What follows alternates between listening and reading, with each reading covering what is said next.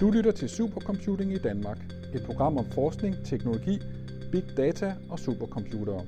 Supercomputing i Danmark udgives af DEIK. Din vært hedder Iben Julie Schmidt. Hvis vi for alvor skal forstå de molekylære mekanismer bag udviklingen af kræft og designe nye og bedre behandlingsformer, så bliver der brug for både bioinformatikere og meget kraftige supercomputere. Det har man indset hos kraftens bekæmpelse. Her har man udvidet forskningsafdelingen til også at omfatte en større gruppe bioinformatikere, som arbejder side om side med de eksperimentelle forskere.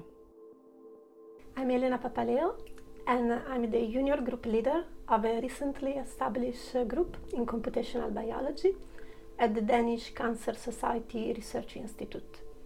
And we are the very first group uh, of this kind at the institute, and it's very exciting for us. The, the people here, they put a lot of effort in research uh, for the fight uh, for cancer. Uh, and we can span from, let's say, the more really basic research on cancer mechanism to more translational oriented toward the patient uh, research in collaboration with the local uh, hospital and with other uh, Nordic hospitals. And uh, our group is, is trying to collaborate with uh, almost everybody here, and it's really exciting uh, because we can see.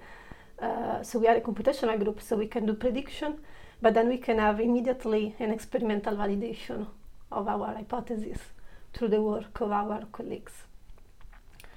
So you, I mean, they produce data maybe in the lab or Exactly. in patient cohorts, and then you do the computation. Yes, it can be both way. Like they have some data they need to rationalize, and we do the calculation that allow to have a better insight uh, or to understand what this data really means. But it can also be the other way, like that we start with our research, uh, computational oriented. We come out with a hypothetical mechanism, and then they do some experiments, for example, doing mutagenesis to try to validate what what, uh, what we predicted. And then it's, it's a continuous crosstalk because they might find out something different from what we thought in the beginning, and then we need to ask ourselves wh- wh- what is uh, wrong in our model and how we can make it better. Or it can be that they, they can uh, confirm our, uh, our hypothesis. Nogle af de data, som Elena Papaleos gruppe arbejder med, er genetiske profiler, som stammer fra prøver taget fra kræftpatienternes tumorer. De sammenlignes så med profiler fra raskvæv, og ved hjælp af avancerede statistiske og bioinformatiske metoder ser man på, om der er bestemte mønstre, som adskiller det syge fra det raske væv. Finder man sådan et mønster, har man en såkaldt signatur, der kendetegner for eksempel mennesker med brystkræft. So what we do, there is a part of the group that is actually using data uh, that come from uh, genomic or proteomic profiling of cancer patient samples. So they are tumor samples taken from the patient that have been profiled with these new techniques. Um, and then, of course, we have a reference normal uh, tissue, how should behave. And uh, using uh, um, advanced bioinformatic and statistical method, we try to define what signature are different uh, in uh, a patient with, for example, breast cancer or a patient with another cancer type. Elena Papaleos gruppe undersøger også, om folk med den samme type kræft kan have forskellige signaturer, og dermed måske også skal behandles forskelligt. For fremtidens medicin går mere og mere mod behandlingsformer skræddersyet til den enkelte patients genetiske profil. But even more, I would say, more ambitious than that because sometimes even in the same cancer type, there is a big heterogeneity. Uh, the patient can behave in different way. So we try to see patients that have a common cancer type, how they differentiate each other, because this could be important in the future for more tailored uh, therapy. Når man har fundet en bestemt genetisk signatur, så er næste skridt at se på, hvilke molekyler, f.eks. proteiner, der spiller en vigtig rolle i den pågældende signatur. Hvad er proteinernes funktion? Hvordan interagerer de med andre molekyler?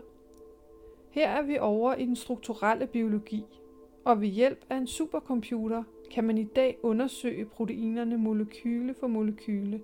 Man kan sige, at supercomputeren kommer til at fungere som et mikroskop. Our vision is that we want to use a multi-scale approach to cancer, that we start from this large signature, we figured out which one are the molecules that are important in a certain uh, condition, and then we focus on those at a more uh, molecular level. And at that point, there is the other part of the group uh, that come in that is using approaches uh, more in structural biology, in which they try to understand uh, what is the structure uh, and the function of this molecule, for example, a protein, how this can interact with other molecules in the cell, other protein, the DNA, for example, it's very typical for us to find out some important regulator of uh, transcription. Uh, or with the membrane. There are so many membranes that define the organelles in our, in our cell. And this we do with the computational structural biology, but also in tight collaboration with experimental structural biology that it's uh, not carried out here, but at the University of Copenhagen.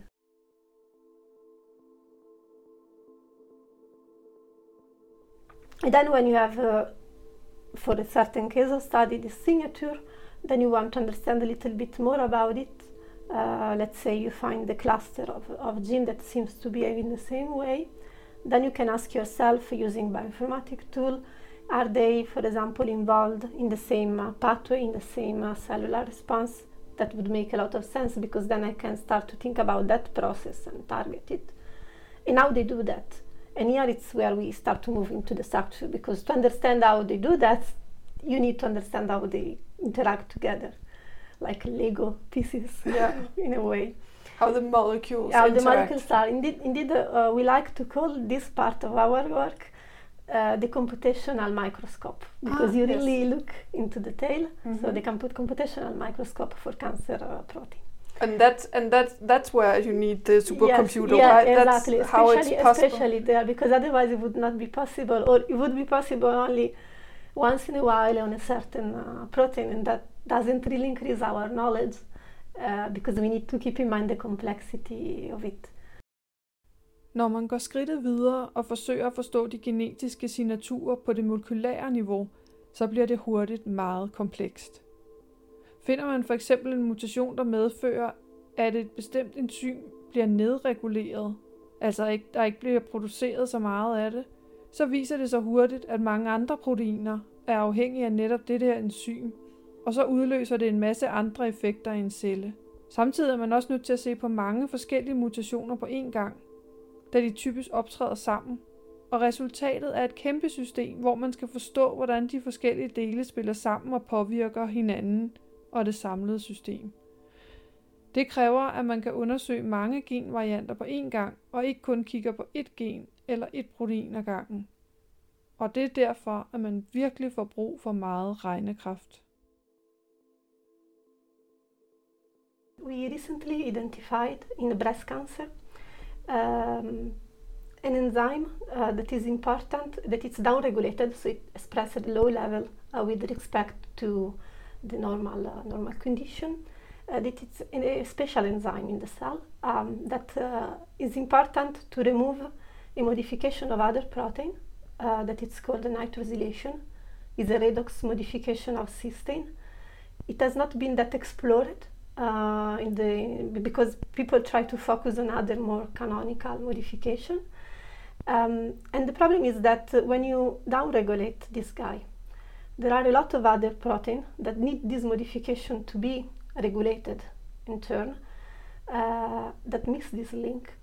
And uh, for example, we found out uh, doing this screening that uh, a mitochondrial chaperone, that it's a protein that helps other protein to fold, it's depending on this modification to be degraded, so to have a, the right turnover. So what happened now? We are downregulating the enzyme that allow to remove this nitrosylation, and we are impacting on this mitochondrial chaperone. Uh, so this came from the signature in, the, in some of the cancer patients, and then we decided to focus on this specific chaperone to understand what the modification is doing to the structure and to the function. And to do this, uh, we use uh, uh, molecular modeling and molecular simulation. And this is a very large protein system, and this is very challenging uh, because it's a dimer with multiple domain. Um, and we need to simulate it uh, surrounded by the solvent, by water molecules. We need to simulate very large conformational change, opening and closing of the chaperone to allocate the substrates. And uh, this really require intensive uh, calculation. We cannot really do on a simple computer. We cannot really do it even on our small local server. We have we have a small cluster, but it's not enough. No. And then, very interestingly, we recently find, find out again, looking in the patient uh, signature, that uh, not only uh, the level of the enzyme that regulate the chaperone can change, but the chaperone itself can be mutated in, in many cancer studies. So it's another le- level of regulation of, of this guy. And so it becomes even more challenging because at this point we not only want to understand the chaperone function itself and the modification, just one modification, but we want to understand a lot of mutation. And this means for us to model each variant in parallel and to be really able to make these approaches that are very accurate, useful for the community, we need uh, quite uh, large computational resources. Otherwise, we will be stuck for two, three months on just one variant that maybe is not even the relevant one. Mm. So uh, yes, so the nice thing for us it's uh, in using a computer. Uh, we started uh, with a pilot project um, that was exactly on this uh, on this chaperone. Yeah, you got a pilot yeah, project yeah, on yeah. Computerome, Exactly. trying some hours and Yeah, exactly. Times and hours in the Mhm. beginning, only on the modification. Mhm. So we were comparing the normal variant and the modified one. And then now we are starting to move on a larger scale because now we have all the setup. Uh, we tested the infrastructure and it's very, very good. And now we can uh, start to screen all these mutations that we found in the patient at the same times because they can run all together, allocated to different uh, nodes of the of the cluster. Yeah. So And you can run it in parallel. exactly in yeah. parallel and it's a um, two way to work it in parallel because uh, we can screen multiple mutation but also for the for the same variant for one unique variant we need multiple core it's not that each of them is going to run on uh, one cpu we need multiple of them because it's an enormous uh, system it's uh, when you simulate it explicitly, you have to think uh, about a box full of water molecules and, uh, and this protein that all together they are up to, I would say, 100,000 uh, atoms. Mm. So even the single variant is not capable of running, uh, providing a fast results on, uh, on a small cluster. For example, when we tested the computerome, uh, we were very surprised about the good scaling um, across multiple nodes. Um, Yeah, what features of the of Computerome Yeah. has been especially uh, helpful in your in your research? yeah, the fact that I would say three three main things. So the fact that we could uh, use for the same uh, same variant uh, um, software for molecular dynamics that were already available, so we didn't have to think about all the IT related stuff. The software was already Ah, installed. the software it was for, already yeah, tested. for modeling the yeah, it was already there. That was uh, sparing us a lot Mhm. of time yeah. uh, because What even was that software? uh, Again? GROMACS is the name. It's okay. commonly used for molecular uh, simulation. Okay. Uh, and it was already um, set up in a way that we could run uh, uh, using uh, scaling nicely up to some hundred uh, CPU Mhm. spread on multiple uh, on multiple nodes. Yeah. Uh, the second thing is that even when we were using so many resources, we never experienced a long waiting time in the queue. And that's pretty amazing because uh, I, we had large experience also with other computational facility around uh, Europe, uh, but there are so many users uh, and they are so overwhelmed that then uh, even if you can run on multiple core, then you might spend more than 24 hour or two days waiting for your calculation to get priority into the queue. This doesn't really happen with Computerome. Uh, it's really good. Yeah. Yeah. Um, and this is for the more structural uh, part of the project. But we can have um, also advantages in using it uh, for uh, the analysis of the sequencing uh, data that I mentioned you. Because for us, the problem is that we often have to analyze uh, many, many samples from a cancer patients. They might be very large study on large cohorts. And uh, you also sort of have replicates to do. So you have the same, uh, the same uh, sample patient in which the, the experiment was done multiple times to see if you consistently have the same results. So this exponentially increase the number of, uh, of samples we need to analyze. Uh, so even if uh, these um, these approaches they are not so intensive in terms, they, they, don't need for each sample multiple core. We have thousands of samples, so we need again to, to parallelize in a different way. And this uh, really is not feasible uh, in house. Uh, we don't have this kind of facility.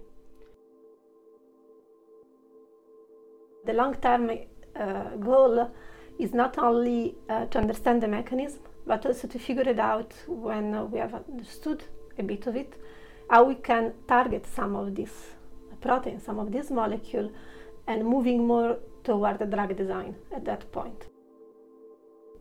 Men vejen er lang fra kortlægningen af de grundlæggende mekanismer, til man står med en ny behandling. Fordi forskningen i dag er så afhængig af netop databehandling af enorme mængder data, så bliver den computerkraft, man har til rådighed, helt afgørende. Jo hurtigere man kan regne, jo før kan man tilbyde patienterne en ny behandling. To be really competitive and to make all this nice uh, bioinformatic tool really useful, uh, the time factor is obviously the, the, the problem and we want so we have the method we know them uh, we would be capable to do this very fast if we have the resources for that. And that's the computer and resources. the computer yeah. resources because uh, they are never, never enough. I, I, I can tell you that all the time my people are somehow complaining like I want more core because there are so many things we can do, and then it's a little bit of a pity that we need to stay here and wait for uh, the calculation to finish uh, uh before submitting a new one and, and so on. Uh, so I think that uh, all, all, the methodological workflow that we have, it's brilliant, it's nice, uh, but until we can scale up and do it really high throughput, I mean, it's just a theoretical exercise. Mm-hmm. So in this, I think that pe- places like Computerome are really making a difference for, for our research.